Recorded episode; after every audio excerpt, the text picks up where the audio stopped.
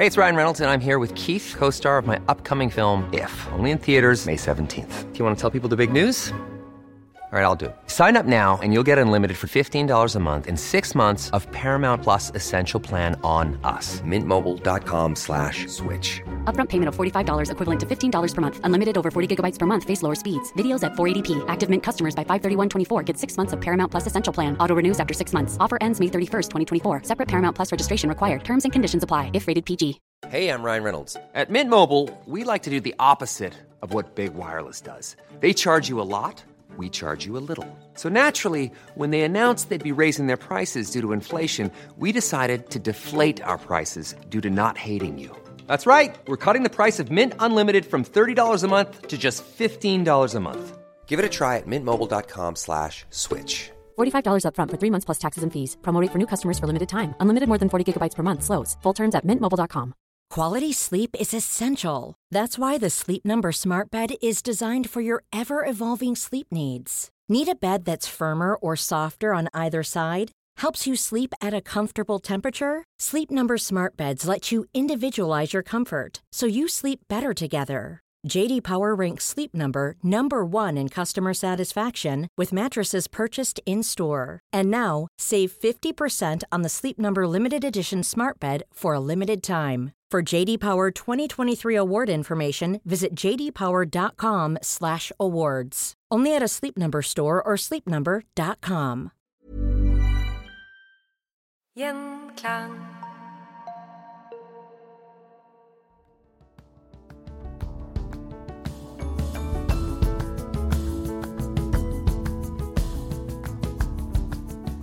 Velkommen til Historier som endret Norge. I dag så får du to episoder knytta til industrieventyret Øglen AS, som i dag kanskje er mest kjent for merkevarer som Cubus og DBS. Vi skal i denne delen konsentrere oss om sykkelen, og etter hvert den legendariske Apache-sykkelen. Har du ikke hørt episoden Industrieventyret Øglen, så anbefaler jeg at du gjør det før du hører videre på denne.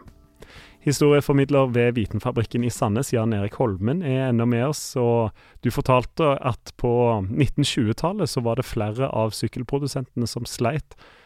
Hva var grunnen til det? Nei, jeg tror det består av flere ting. Denne her, det her vonde tiåret. Altså, for det første så var sykkelen veldig dyr. Ja. Eh, det var ikke alle som hadde råd til den. Og så var liksom 20-tallet en litt tung tid både i Europa og i Norge. Ting gikk trått. Folk var veldig forsiktige med pengene sine. Eh, Veistandardene var veldig dårlige. Altså, det var mye som talte imot. Og de hadde jo etablert det her bransjeforbundet, som skulle beskytte og ta vare på produsentene av sykler. Og De jobbet intenst for å finne ut av hva som er gale, men de klarte aldri å legge fingeren på noe bestemt noe. Det var liksom bare en generell nedgangstid. Mm.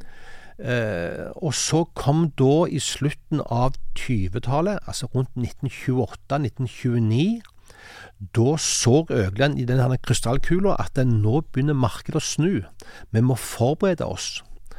Vi må tenke langsiktig. Og det var da Øgland la planer for å bygge omfattende, altså nybygg i produksjonen. Eh, de tenkte kanskje eh, fem-seks år fram i tid. Eh, de gjorde enorme investeringer i nye maskiner. De investerte veldig mye i forhandlernettet. De la ned veldig mye arbeid i å forberede seg til 30-tallet. Så kom skiftet rundt 1930-1931. Da kom det skiftet. Og da var det bånn gass og Søgland. De kjørte to skift. Det var venteliste hos forhandlerne på å få syklene. Mm. Eh, det var ei storhetstid. Men, men, er det da òg fordi at, det, at, de er blitt billigere? Ja, fordi at eh, i de første åra så var det veldig vanskelig å få fatt i maskiner som bearbeider råvarer for å lage sykler. Øglen hadde den fordelen at de hadde bygd opp en unik kompetanse. De hadde veldig mange ansatte som kunne faget sitt, som kunne konstruere sykler. Og ikke bare det, de hadde ansatte som kunne konstruere maskiner til å bearbeide råvarer. Derfor kjøpte de maskiner og bygde de om. Og det fortrinnet hadde ikke veldig mange andre. Eh, la mye arbeid ned i det, Og dette gjorde at eh, de fikk opp produksjonstakten. Når du får den opp, så går stykkprisen ned. Mm. Øgland begynte da å se på hvem er det som er våre kunder. Egentlig var dette noe de planla rundt 1910. For de sa hvis vi produserer sykler, hvem kjøper sykkel da? Er det noen som kan kjøpe en, en halv sykkel, for å si det sånn? Da tenkte Øgland ei målgruppe er alle de, meg og deg, som kjøper sykkel. Det ei målgruppe. Så har du alle frie forhandlere. Det er òg ei målgruppe. Men så har du et hav av produsenter, såkalte produsenter av sykler. De er òg ei målgruppe. Og så har du grossistene, som da kjøpte inn Øglen og solgte videre til sine kunder igjen. Med andre ord, du hadde fire-fem forskjellige mulige marked, og Øglen nådde alle de fem.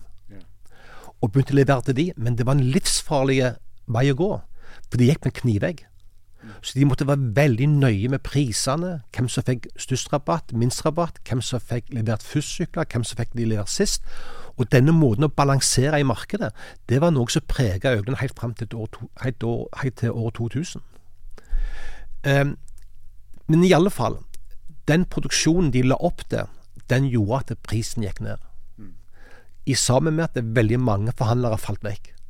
Og det gjorde at Øglen klarte seg veldig, veldig godt. Og det var liksom Hvis vi går til før krigen, har jeg blitt fortalt, eh, nede på Bedriftsmuseet Rasmus Rasmussen han var en kulturpersonlighet i Sandnes. Han hadde jobba hos Øglen siden han var 15 år gammel. Meg og han satt en dag og snakket om sykkel. Og så spurte jeg han Rasmus, hva er en sykkel egentlig? Og så satt han og kikket lenge ut vinduet. Og så sa han jo, en sykkel er en innretning som bringer deg fra én plass og til en annen plass som er mye kjekkere. Mm. Det syns jeg var en veldig, veldig god beskrivelse. Ja. Hvis jeg hadde spurt produktutvikleren og Øgland definere en sykkel, så vil de si at en sykkel det er en innretning som består av to likelydende hjul som er forbundet med ei ramme lagd i en leger... Altså, det blir sånn bla, bla, bla-greie. Men det han sa, det var så bra. For det var sånn det var. For jeg så meg sjøl hjemme sykle til kinoen. Ja. Hjemme sykle på fotballtrening. Hjemme sykle til kompisene mine. Det var noe veldig godt med denne definisjonen. Ja, ja. Og denne definisjonen har blitt forsterka spesielt på 70-, 80- og 90-tallet. For ikke å snakke om etter krigen. Da lå hele Europa med brukken, rygg. Øglen tenkte OK, hva skal vi gjøre? Hva skal vi si for å få folk til å kjøpe sykler? Og da tenkte de på dette her med fra én plass til en annen plass mye bedre. Og hvis vi ser på reklamen, så står det Se ditt land. Se ditt Norge. Se fjell. Det var tegninger som var lagd av- kunstnere. Av noen som sykla, ungdommer, på en kjerrevei mellom fjord og fjell. Det var fantastisk. Mm. Nå, nå, nå kjenner jeg lukta av Apache-sykkelen kommer snart i denne historien, men vi må, vi må stoppe opp litt ved, ved krigen. Sykkelens rolle under krigen. Eh, eh, hvordan, var, hvordan var det for, eh, for Øglen og- DBS? Ja, det var ikke bare fem tunge år, men det var nesten ni tunge år. Eh, hvis jeg tenker tilbake, så havner jeg på Sola flyplass. Det landet fly der som kom fra London. Ut der kommer en mann som er eksportdirektør i et engelsk selskap som leverer tannhjul til Høglen. Han får skyss ned til Sola strandhotell. Etterpå kommer et fly fra Tyskland. Der er eksportdirektøren for Saks.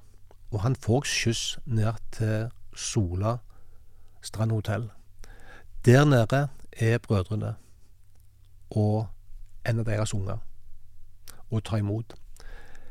Det de diskuterer der, er hva skjer i Europa? Er det en verdenskrig på gang? Og hvis det er det, hva da med Norge? Og hva da med vårt kundeforhold? Altså, det var ikke et møte som handla om business, om priser, om kontrakter. Altså, det handler om å leve.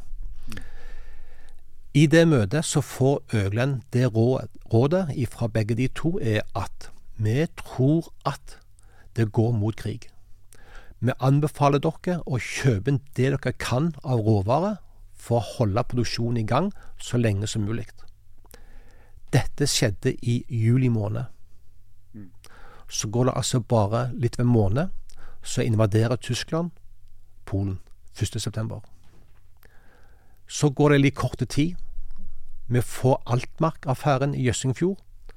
Med andre ord, nå står krigen på dørterskelen til Rogaland. Og så kom invasjonen og krigen. Jeg har et eget foredrag om krigen, for det skjedde så veldig mye. Men i alle fall, pga. store innkjøp av råvarer, så klarte de å holde produksjonen oppe. De klarte å lønne ansatte som normalt. De gjorde det de kunne for å holde på ansatte. De brukte vanvittig mye penger på å holde ansatte i gang med å kjøpe eh, mat til dem, hjelpe dem med klær og hva det måtte være. Så produksjonen gikk veldig bra, fordi at annet det var ikke lov å ha bil. Altså, sykkelen ble et veldig viktig befordringsmiddel for de enkelte. Til og fra jobb, ned til byen og hva det måtte være. Så Øglen gikk gjennom den krigen de fem, første fem åra nokså bra. Men så kom etterkrigstida, og det var et forferdelig tid for Jonas Øglen. Fordi at det, da lå alle underleverandører med brukken rygg. Andre ord, måtte bruke enda mer penger på å lage egne maskiner som kunne bearbeide råvarer, eller hva det måtte være. De prøvde seg òg på å kjøpe inn ting fra andre land, bl.a. Tsjekkoslovakia, for de hadde en viss industri som gikk. Men de leverte ikke de kvalitetene som Øglen ville ha. Sånn at det ble liksom fire smertefulle år etter krigen. Og så kom 50-tallet, og da kom jeg kan si lyset. Lyset kom. Alt ble litt lysere. Optimismen og, og Ja, optimismen Ungdommen. Ja, ja. Optimismen kom. Ungdommen kom på banen. Vi fikk denne ungdomskulturen som var i endring på slutten av 50-tallet. Vi fikk rocken. Syklene hadde stort sett vært sorte. Alt var jo svart før, før krigen. Bilene var svarte, si flyene var svarte, toget var svarte, og syklene var svarte, og klærne var svarte. Så kommer vi til 50-tallet. Vi får rock fra Amerika, Elvis Presley og flere. Ungdom begynner å kle seg litt lysere klær. Ungdommen begynner å snu seg vekk fra det etablerte samfunnet og lage mye støy. Og Økland følger nøye med på hva som skjer, både blant ungdommen, men også blant de eldre. Og de som er i i 50-åra, f.eks. Unge mødre, hva de er opptatt av, hvordan de kler seg. Alt dette begynte Øglen å snuse på. For Øglen tenkte at dette er sånne påvirkere til utformingen av en DB-sykkel. Ja. Altså, jeg tenker Den første tilfellet vi ser av dette, er egentlig i 1951. Eh, Øglen ser det at det er nye farger på gang, men de klarer ikke å finne ut hvilken farge de skal bruke. På eksempelvis en damesykkel. Øglen går da over gata, de hadde òg en konfeksjonsfabrikk, og spør modellørene der. Du, hva farge kommer neste år? De sjekker da med sine kontakter, som er konfeksjonsindustrien, moteklær i eh, London, i Paris og København, og de sier jo det som kommer er eksempelvis burgunder. Ok, sier Øglen. Det var en veldig stygg farge, men ok. burgunder, hører det. Og så lakkerte de damesyklene burgunder, Ja. og fikk et kjempesalg. Ja. Da skjønte de at eh, vi må ikke produsere det vi tror er best, men vi skal produsere det som kundene sier er best. Ja. Så de begynte å, bruke, begynte å lytte enda mer på kundene, eller andre påvirkere. Sånn at 50-tallet blir ei tid hvor de etablerer denne kontakten med markedet, og så kommer skiftet, hvis jeg kan gå videre til 60-tallet. Vi får 60-tallet, og det er helt fantastisk å se. Det er, nemst, altså det er som om fargene eksploderer. Moteindustrien sier blått blått og rødt og sånn kraftige farger. Og øynene hiver seg på med en gang.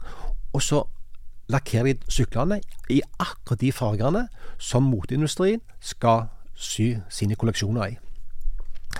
Mannfolk var trege. De var sånn trauste greier. og Nei, nye farger, det var fæle greier. Det beste var nok den burgunder. Den var, den var lyse nok. Men damene, de var mye flinkere, de. Eller jentene. De tok det nye på en veldig elegante måte. Og det Øglen så, var at eh, Kall det den modne dame. Hun ble bare yngre og yngre. Og hun, de som var eldre og eldre, var opptatt av å vise andre at jeg er yngre. Yeah. Dermed så kjøpte jeg en DBS-sykkel for å fortelle andre jeg er nokså ung. jeg. Derfor velger jeg sånne spreke farger. Dette skjer på 60-tallet. Men det skjer jo noe annet, og det er at eh, mannfolka de blir veldig opptatt av det tekniske. Sykkelen må ha gir, han må være lettrødde, er dekka skal være smale, han må trille lett, jeg må ha så mange gir som mulig. Det er òg begynner å skje.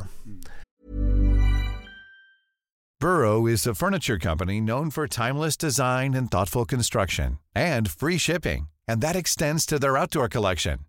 Their outdoor furniture is built to withstand the elements, featuring rust-proof stainless steel hardware, weather-ready teak, and quick-dry foam cushions. For Memorial Day, get 15% off your Burrow purchase at burrow.com slash ACAST, and up to 25% off outdoor. That's up to 25% off outdoor furniture at burrow.com slash ACAST. Hey, it's Ryan Reynolds, and I'm here with Keith, co star of my upcoming film, If, only in theaters, May 17th. Do you want to tell people the big news? All right, I'll do it. Sign up now and you'll get unlimited for $15 a month in six months of Paramount Plus Essential Plan on us. Mintmobile.com slash switch. Upfront payment of $45 equivalent to $15 per month. Unlimited over 40 gigabytes per month. Face lower speeds. Videos at 480p. Active Mint customers by 531.24 get six months of Paramount Plus Essential Plan. Auto renews after six months. Offer ends May 31st, 2024. Separate Paramount Plus registration required. Terms and conditions apply if rated PG. Life is full of what ifs. Some awesome, like what if AI could fold your laundry? And some, well, less awesome, like what if you have unexpected medical costs? United Healthcare can help get you covered with Health Protector Guard fixed indemnity insurance plans. They supplement your primary plan to help you manage out of pocket costs. No deductibles, no enrollment periods, and especially no more what ifs. Visit uh1.com to find the Health Protector Guard plan for you. Og hvis vi går til slutten av 60-tallet Hvis du er på kino og ser en cowboyfilm I slutten av filmen du ser en, en indianer ri på hesten sin på en åsrygg. Han stopper, sola er på vei ned bak han, og så steiler han med hesten. Det heter high ride. Derav kommer sykkelen, serien, som er eksempelvis Tomahawk. Stort bakhjul, lite framme, indianerfarger, grønt og oransje og disse her. Sikksakk-mønster, og så navnet Tomahawk. Du kunne steile med sykkelen. Det var så gjevt. Altså, sykkelen ble en del av leken. Og det så jo Øglen. Og de spilte på det for alt det var verdt. Men så kom det nytt skifte, og det er at eh, vi ville ha noe mer enn en indianersykkel. De måtte mikse den med en sånn en Tenk deg tilbake 70-tallet. Hippier. Kjører på motorsykler med langsal, speedway-styre. Så kom Apachen. Så kom Apache-sykkelen. Den ble forma av Erik Gren, ansatt i produktutvikling hos Høgland. Han bodde på Storhaug i Stavanger. En fantastisk mann. Jeg husker han veldig godt. Jeg husker han var, han var vanskelig å, å forholde seg til. For han hadde en, en kunstnersjel. Ja. Han forma Apasjen. Og det ble en kjempesuksess. Jeg, jeg husker veldig godt. Jeg var tolv år gammel. Far og mor sa til meg Jan Erik, nå skal du få ny sykkel. Vi reiste til Sandnes, til sykkelbutikken til Høglen. Vi reiser ned. Jeg går inn i butikken, det er masse sykler. Så sier far til meg, Jan Erik, plukk ut en sykkel du vil ha. Og der var det sånn trauste syklergreier som hadde vært i lang tid. Så sto det en rad med Apache-sykler.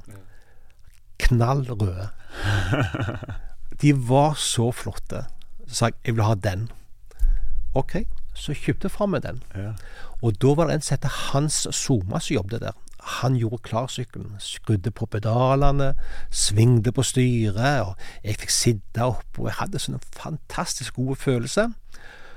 Steig av igjen, og så sa han han zooma. Jan Erik, venta litt. Grann. Så gikk han i bakrommet, og så kom han fram igjen, så sa han Jan Erik, du skal du vente litt. Grann. Så gikk det fem minutter, så kom det gående en gammel mann. Han hadde sånn et skinnforkle på, på seg. I ene hånda hadde han en skammel.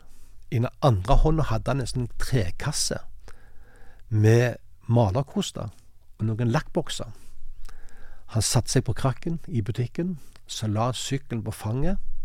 Så dypte han malerpenselen i gullfarge. Og så kikket han på meg, så sa han 'Og hva heter du, da?' Så sa jeg 'Jeg heter Jan Erik Holmen'. Og så skrev han med ei fantastisk skrift 'Jan Erik Holmen'. Fantastisk. Det var mitt kjøp av min Apache. Ja. Vet du hva? Den som hadde Apache, han var konge i gaten, i gata. Men vet du hva? Jeg kom fra Hana utenfor Sandnes. Der hadde jeg mange gode kompiser. Og så er det sånn at veldig mange av våre mødre og fedre jobbet hos Øgland. ja, ikke sant.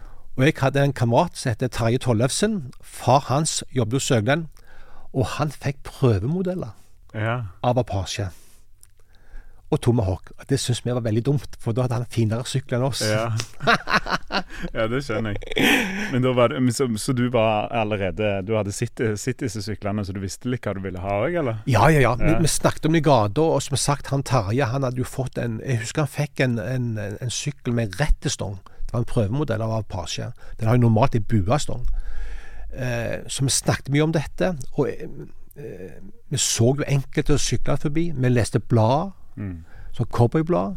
Vi var på kino og så cowboyfilmer. Og denne apasjen ble bare viktigere og viktigere. Eller drømmen ble viktigere og viktigere. Å få en sånn en sykkel som det. Mm. Derfor var det så veldig overraskende at far min sa nå skal vi kjøpe sykkel Mm. til deg. Mm. Men jeg var ikke forberedt på det. Nei, du verden. Den Apache-sykkelen har jo en sånn legendarisk eh, posisjon i, i bevisstheten til nordmenns sykler opp gjennom tidene. For det finnes sikkert tusen av de der opplevelsene som du har, eh, har delt med oss nå. Ja. Er det det som er grunnen? At det var noe helt eget? Eller var det det Ja. cowboylinken? ja jeg tror, jeg tror det, det er nokså Det er et komplisert bilde, tror jeg. Ja. jeg. Jeg tror det er sånn som du sier, den her cowboylinken. Men så var han òg en del av leken. Altså Øgland fikk hjelp i salget av DBS-sykkel fordi at vi satt på gutterommet og leste copyblad. Eller at vi gikk opp i skogen og lekte cowboy-indianer. Altså det var liksom det miljøet deres som liksom auste det opp veldig. Og så var det en veldig tøff sykkel. Og så er det sånn når folk blir eldre og skal begynne å mimre tilbake, da plukker du ut storhetstida. Og det var når jeg for 30 år siden f.eks. hadde en eh, Apache-sykkel. Og i alle mine år i sykkelbransjen, i sykkelmiljøet, så er det veldig mange som ser tilbake. Og mannfolka ser tilbake til Apachen. Damene de ser tilbake på kombisykkelen. Yeah. Det er sånn typisk. For kombien var noe helt annet igjen. ja. Men det er Apache-sykkelen du får mest spørsmål om, eller? Ja, det er det. Ja. Og jeg må si det at eh, jeg skulle av og til òg ønske at eh, vi kunne se på sykkelen i et mye større bilde. Ja. Og se hvordan det var. Vi har, har jo vært innom i flere sånn ulike tiår. Men vi skulle brukt litt mer tid på sykkelen i andre år. Altså, jeg tenker eh, Jeg tenker på eh, Vi intervjua en som jobbet hos Øglen under krigen, og han var med på litt Det var veldig mye illegalt arbeid hos Øglen under krigen. Og vi snakket om dette med sykkel, hvor viktig sykkelen var. Og han hadde et annet referansepunkt, og det var Tenk deg han nordmannen som var på rømmen ifra tyskerne. Han hadde kanskje sabotert noe hos tyskerne. Tyskerne visste hvem han var, og de ville ha fatt i ham. Han sprang det han kunne, langs veier, over fjell og hammer, for å komme seg vekk ifra tyskerne. Han kjempa for livet sitt. Så får han beskjed ifra motstandsbevegelsen at Jonas Søglen har smugla ut en sykkel. Den er gjemt bak et steingjerde i det krysset der, og det ligger noen greiner over sykkelen. Den venter på deg. Han springer som galen til det krysset, går over steingjerdet og henter fram en ny DB-sykkel. Hiver seg oppå og sykler det han kan. Så kan vi tenke hva følte han da, når han satte seg opp på sykkelen? Hadde han den her lille spiren med at nå skal jeg kanskje redde livet mitt med denne sykkelen her? Og så kan vi tenke, hvis han overlevde krigen, og er blitt en gammel mann på 80 år, og hvis du spør han, du, hva er sykkelen for deg? Og da vil han gå tilbake til den sykkelen bak det steingjerdet. Sånne referansepunkt er det en hel haug av. Og det er de jeg ønsker å få fram i lyset. Hvis jeg får lov å få til å si noe Ja, det er, du, det er derfor du er her i dag. jeg tenker, jeg, jeg tenker på disse her eh, historiene. Men i forbindelse med OL Ja. i Lillehammer, så gjorde Jonas Søglen, senere Øglen DBS, de gjorde en jobb der borte. Og vi holdt på å lage en utstilling. Og da hadde vi tatt med en sykkel ifra, jeg tror den var fra 30-tallet, og stilte ut i sammen med andre DBS-sykler. Og mens vi jobber der, så er det en gammel mann som står og ser på den gamle sykkelen. Og det er en herresykkel. Han kikker nøye på han, går rundt og sånt, og jeg tipper han kunne være rundt 85-90 år gammel. Kr- Krøkete sånn, hvitt hår, hvitt skjegg. Så går vi bort han og spør kan vi hjelpe ham med noe, og så forteller han. Han var fra Bergen. Når han var liksom 14-15 år, så pleide familien å reise til Østlandet og bo på en gård om sommeren, som en liten ferie. De tok toget, og det syntes han var veldig kjekt. Og så var det en sommer der han møtte den flotteste jenta han noen gang hadde sett. De var sammen hele sommeren, og sommeren etter. Men så, når den tredje sommeren kom, og han gleda seg veldig til denne her eh, ferien og treffe jenta, så sier mor og far dette året her blir vi hjemme. Vi har ikke penger til å reise. Og han ble jo helt desperat. Han må jo treffe jenta. Ja, ja. Så han spurte far sin Du, om jeg kan få låne sykkelen din og sykle fra Bergen og til den gården på Østlandet? Ja, han fikk lov til det. Og han forteller Jeg sykla fra Bergen opp de bratteste bakkene og ned de mest fantastiske bakkene du kan renne i, og jeg rant så fort at bremsene gikk varme, så jeg måtte binde ei grein fra ei bjørk bak på bagasjebrettet som lå og slepte etter for å bremse farten. Han lå og sov i skur hvor det var hestestaur inni. Og han sa på den sykkelturen så tenkte jeg bare på hun jenta. Kom fram og var med hun, og sykla hjem igjen. Og det gjorde han òg året etterpå. Så sier Det var en fantastisk, fantastisk historie. Og så sier han det er ikke slutt for det. Så sa han jeg gifta meg med hun. Å, sier vi, det var veldig kjekt. Og vet du hva, sa han, hun står jo forbi. det er en sånn en historie som rører med deg. ja, jeg kjente det sjøl. Ja, ikke sant? Ja, fint. Ja. Det er de sykkelopplevelsene vi må få fram. Denne podkasten heter jo 'Historier som endret eh, Norge'. Kan vi si at Apache-sykkelen har endra Norge, eller blir, blir det vanskelig? Apachen endra barne- og ungdomsmiljø, vil jeg si. Ja. Apasjen endra en del av, kall det befolkningen, på lik linje som at kombien endra en del av ungdommen den gangen. På lik linje som offeren som kom. Jeg husker veldig godt, jeg. Det var vel 1985. Jeg jobbet i Øglens sin egen sykkelbutikk. Sommerdag stoppet en bil forbi med 140 sykler.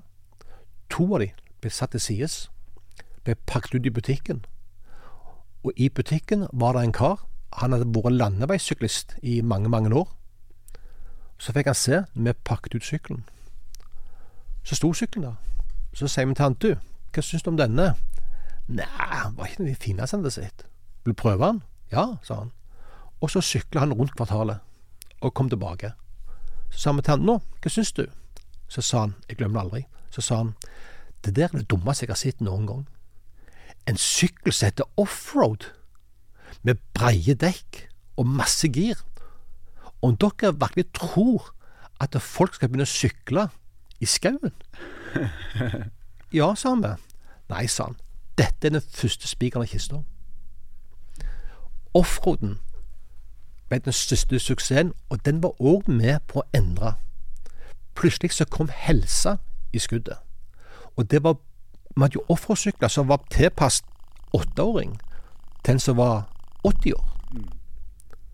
Så sånn sett så har veldig mange ulike DBS-modeller vært med på å endre folk. Så du kan si at DBS har endra Norge. Ja, det kan vi si. Absolutt. Og kranbrøda til Jonas Øglen, da, har den endra Norge? Ja, det tror jeg. Fordi at eh, Jonas Øglen var nesten i hvert et hus i Norge. Var det ikke en sykkel, så var det kanskje en motorsykkel. Og var det ikke det, så var det kanskje en dress til en gutt som ko- konfirmerer seg, eller en kjole til mor. Altså, vi har liksom vært i alle hjem. Og folk har en veldig sånn god holdning til Jonas Øglen. Hvis jeg sier Jonas Søglen noen, og så kommer det ut med en gang. Jeg husker at Så ja, Jonas Øglen har vært med å endre folk. Ja da, absolutt. Tusen takk for eh, et fint, eh, fint innblikk i, i Jonas Øglen sin historie og DBS-historien. Jan Erik Holmen, som er historieformidler om Jonas Øglen da, på Vitenfabrikken i Sandnes. Takk for at du tok deg tid i, til historier som endret Norge. Bare kjekt.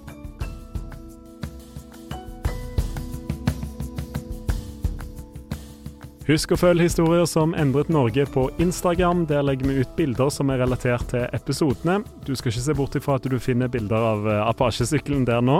Husk òg at kollega Kristian Konglund kommer med ny episode av Historier som endret verden på torsdag. Nye episoder av Historier som endret Norge kommer hver mandag. Vi høres! Gjenklang.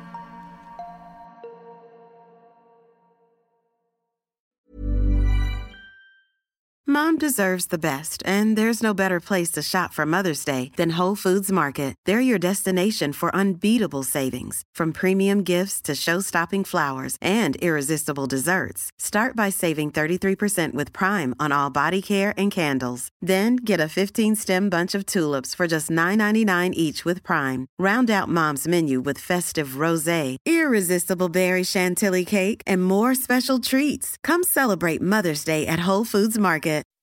When you make decisions for your company, you look for the no brainers. If you have a lot of mailing to do, stamps.com is the ultimate no brainer. Use the stamps.com mobile app to mail everything you need to keep your business running with up to 89% off USPS and UPS. Make the same no brainer decision as over 1 million other businesses with stamps.com. Use code PROGRAM for a special offer. That's stamps.com code PROGRAM.